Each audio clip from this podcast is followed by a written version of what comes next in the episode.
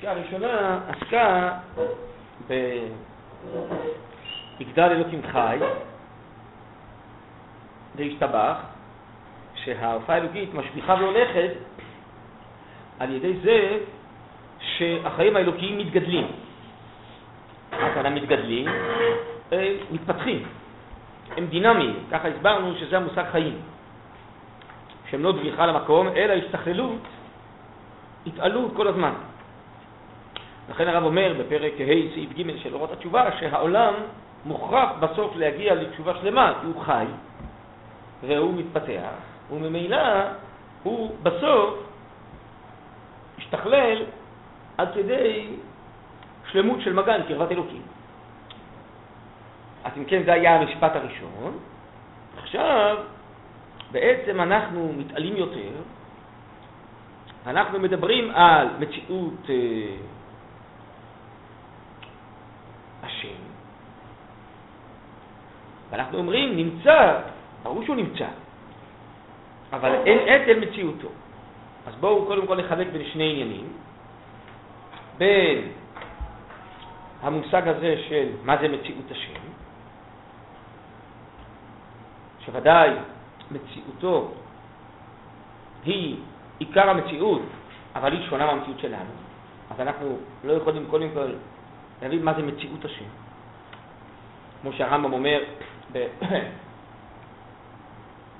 שמיני של שמונה פרקים, וגם אה, בהלכות תשובה, שאי אפשר להבין את ידיעת השם והבחירה החופשית של האדם, כי אצלו מציאותו וידיעתו, ידיעתו, אה, מציאותו ורצונו, וכל תאריו אחד.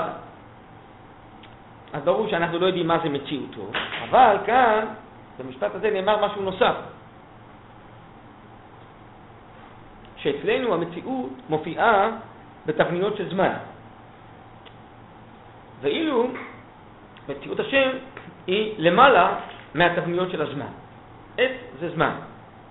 כמו שכתוב בקהלת, עת לעשות כך ועת לעשות אחרת.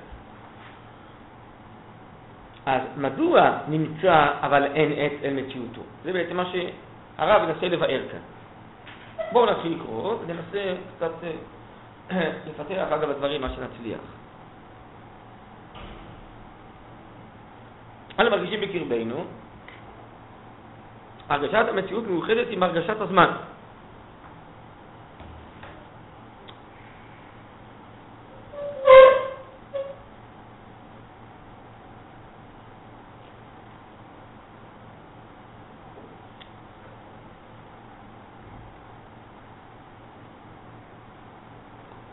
אף על פי שמציאות וזמן זה שני עניינים.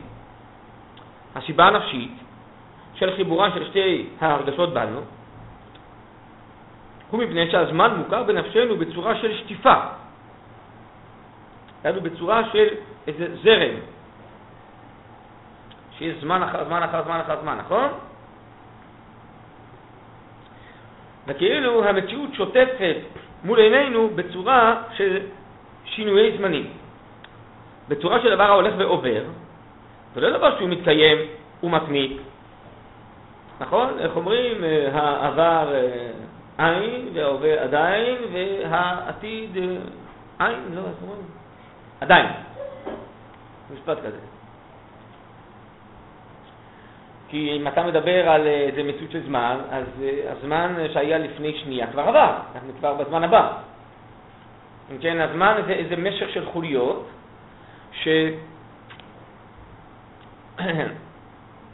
שעוקבים אחד אחר השני.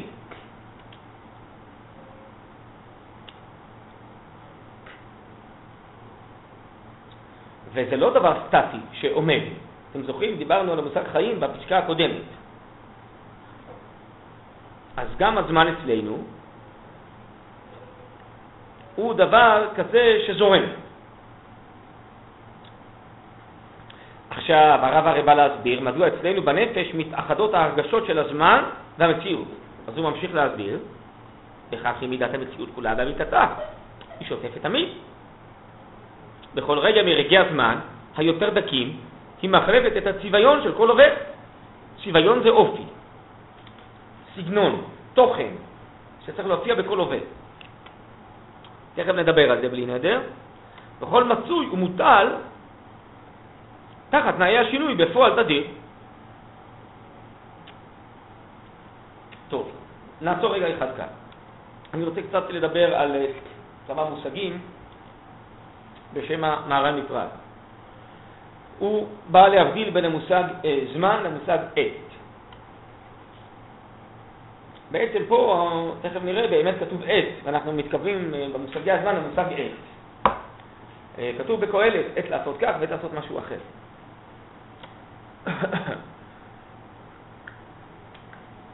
אז המהר"ן מסביר ככה, שזמן זה התבניות הטכניות שאנחנו מחלקים, יש שנייה ודקה ושעה,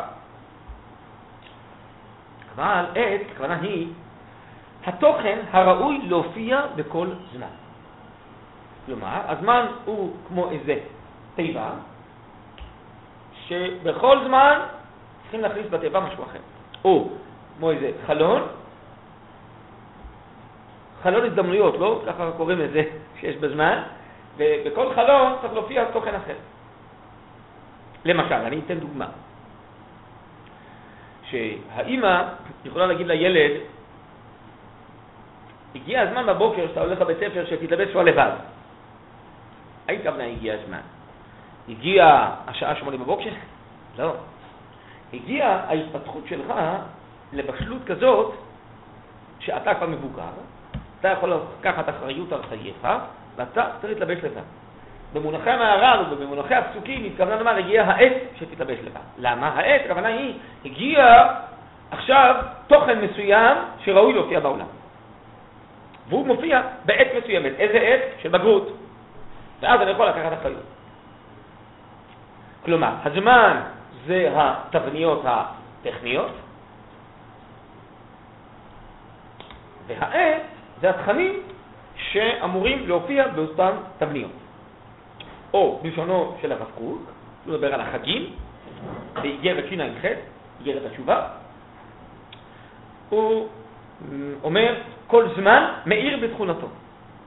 בכל זמן חג הסוכות, חג השבועות, חג הפסח, מופיע תוכן אחר. בחג הסוכות זה שמחה והתעלות, בחג הפסח זה חירות, בחג השבועות זה תורה. אז הזמן הוא אותו חלון, אותה תיבה, אבל כוח רוחני אחר, תוכן אחר, מהות אחרת, או שוויון אחר, ככה זה נקרא פה, תכף נראה את זה שוב בפסקה בלי נדר, מופיע באותו חלון של זמן. בסדר, עד כאן, קודם כל במושגים האלה? טוב, אני מתנצל קצת מראש בהערת סוגריים, אני אומר, כי אנחנו עכשיו לומדים לימוד יותר עיוני מאשר היינו רגילים ללמוד בעבר. זה פה תכנים שכליים, ככה הרב אה, פה הוא כתב את הפסקאות האלה בעולת ראייה, ויש פה ברורים יותר מחשבתיים, שכליים, רוחניים, מהותיים, בסדר? זה צורת uh, כתיבה, ממילא צורת uh, לימוד אחרת. אז זה קצת יותר עיוני uh, מופשט, להבנת המציאות באופן נכון. של האלוקות, של החיים.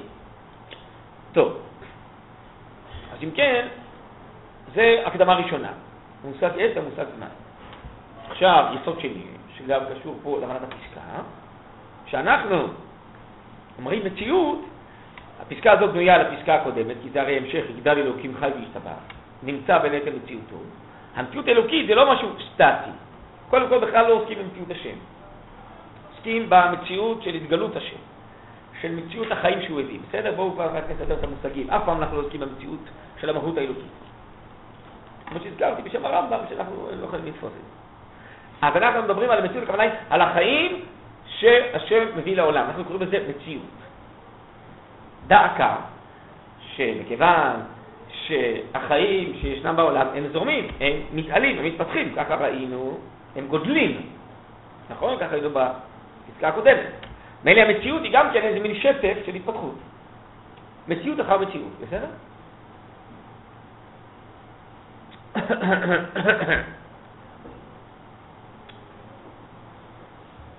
עכשיו,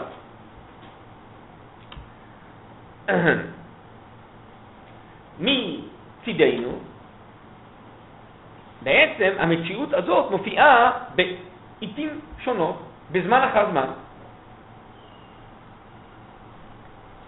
וכל עת חדשה המציאות של החיים מופיעה צביון חדש, סגנון חדש, תוכן אחר. יש לך יום ראשון בשבת, שני בשבת, שישי בשבת, נכון? כל יום יש לו תפקיד אחר, יש לו מהות אחרת.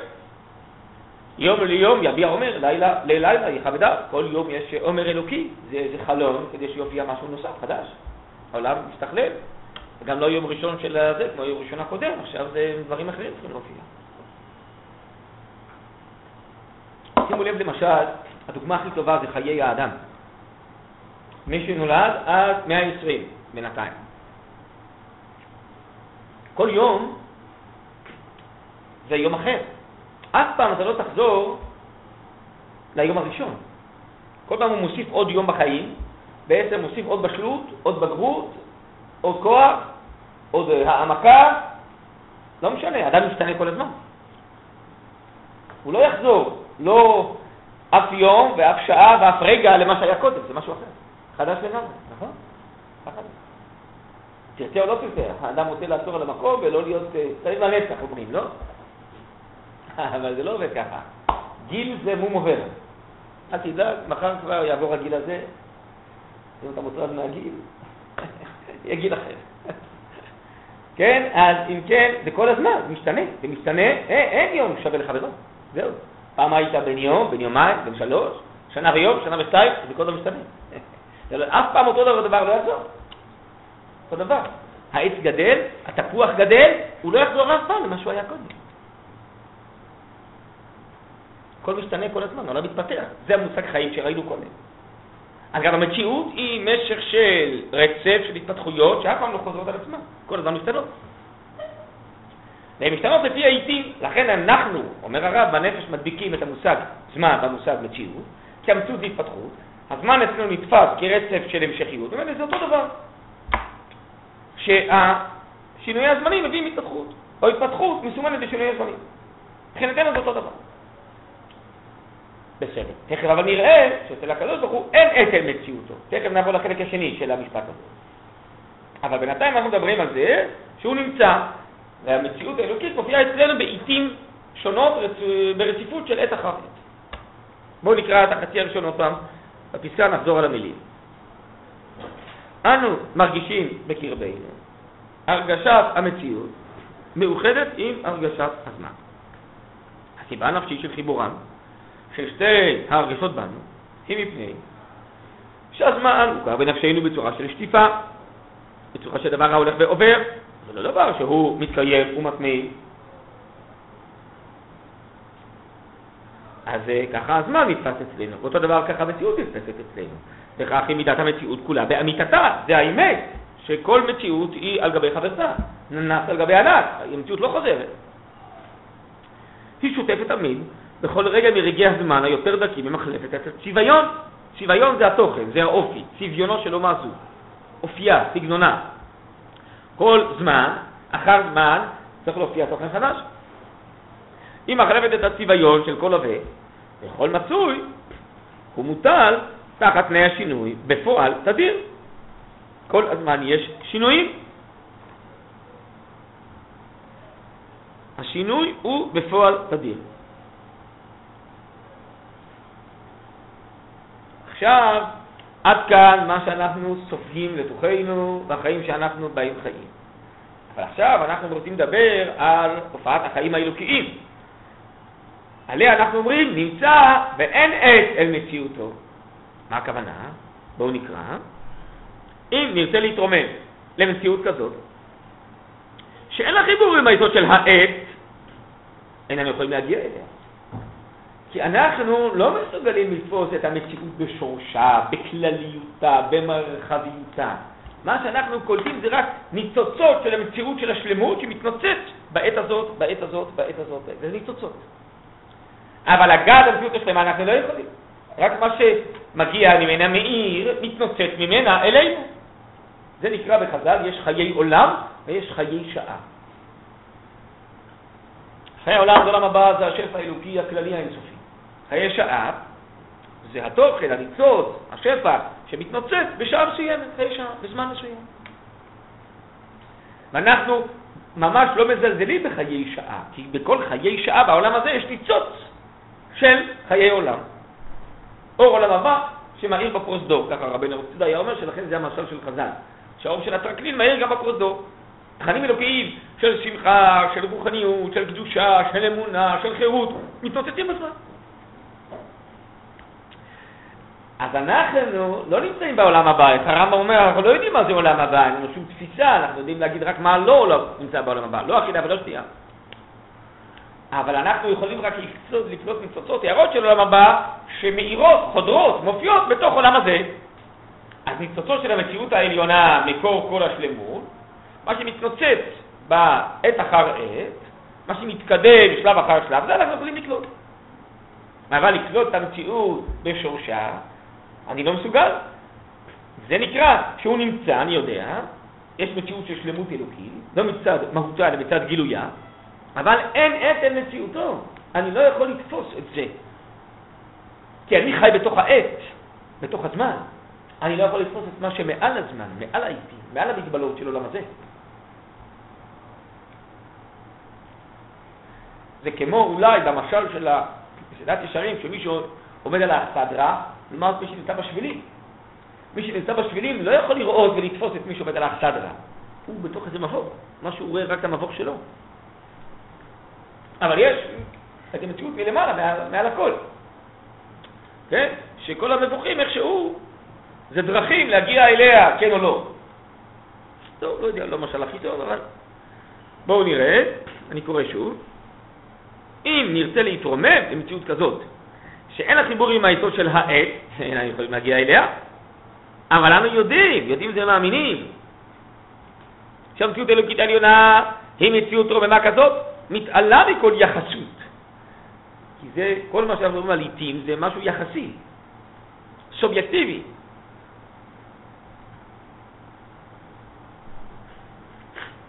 ומכל ערכים של שטיפה ושל שינויים.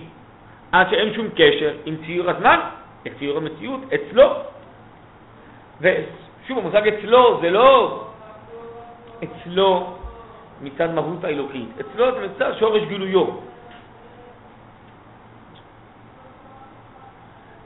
זה כמו שמשה רבינו בתחילת ספר שמות שאל את הקדוש ברוך הוא, מה שמו, מה הוא אמר עליהם? מה הוא אמר לו?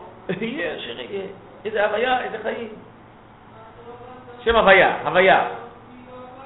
אבל אצלנו ההוויה מופיעה באיזה סדרים, לא? ההוויה מתלבשת בטבע, בשם אלוקים, נכון? אבל ההוויה היא שורש החיים לפני שם אלוקים. אבל הסדרים עכשיו המצומצמים המוגבלים זה שם אלוקים. אבל ההוויה, אנחנו לא יכולים לתפוס אותה, היא מעל הכל. היא מתפוצצת דרך שם אלוקים.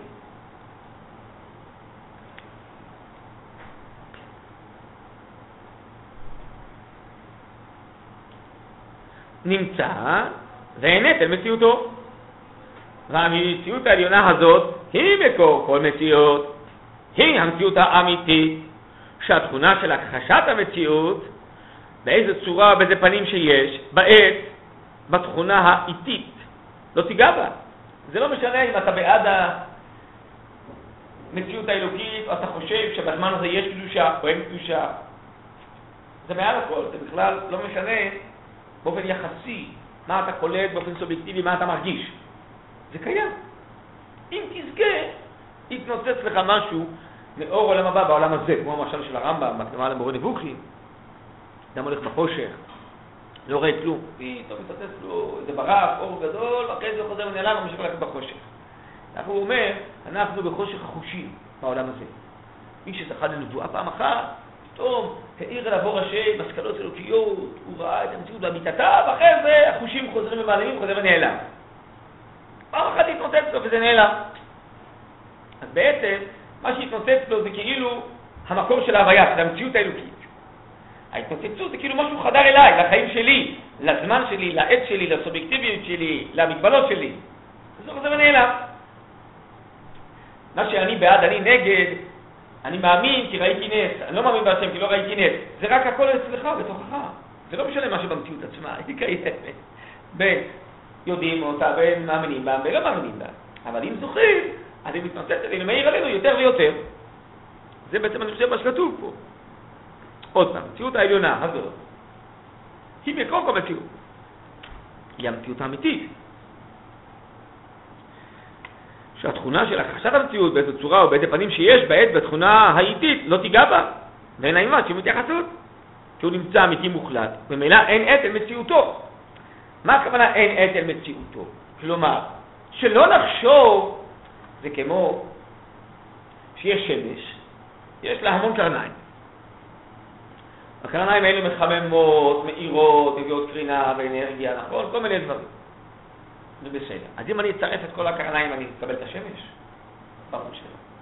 יהיה איזה מבוע עליון, שמה שמגיע אלינו זה רק איזה התנוצצות שלה, נכון? אור חוזר, כל מיני הסברים, נכון? אז האם השמש היא באמת המציאות של ההתנוצצות עליי? לא. זה רק איזה משהו שהגיע מהשמש אליי, נכון? קרני חום, קרני אור. אז הגילויים שאני חש, אני מרגיש מול עיניי, זאת השמש? לא. אותו דבר אומרים לך פה. גילויי החיים שנכנסו לתוך האיטים, העץ, הכוונה היא זה החיים המוגבלים שלך, בתבניות הזמן, בתבניות המקום, במוגבלות האנושית של גלידת החושים והשכל שלך. כן? מה שקראת להם חיים האלוקיים, איזה ניצוץ דם של חיים אלוקיים. אתה חושב שזה האמת של החיים האלוקיים? ככה זה נראה במקור, בשורש? לא, מה פתאום, נמצא ואין עצם מציאותו.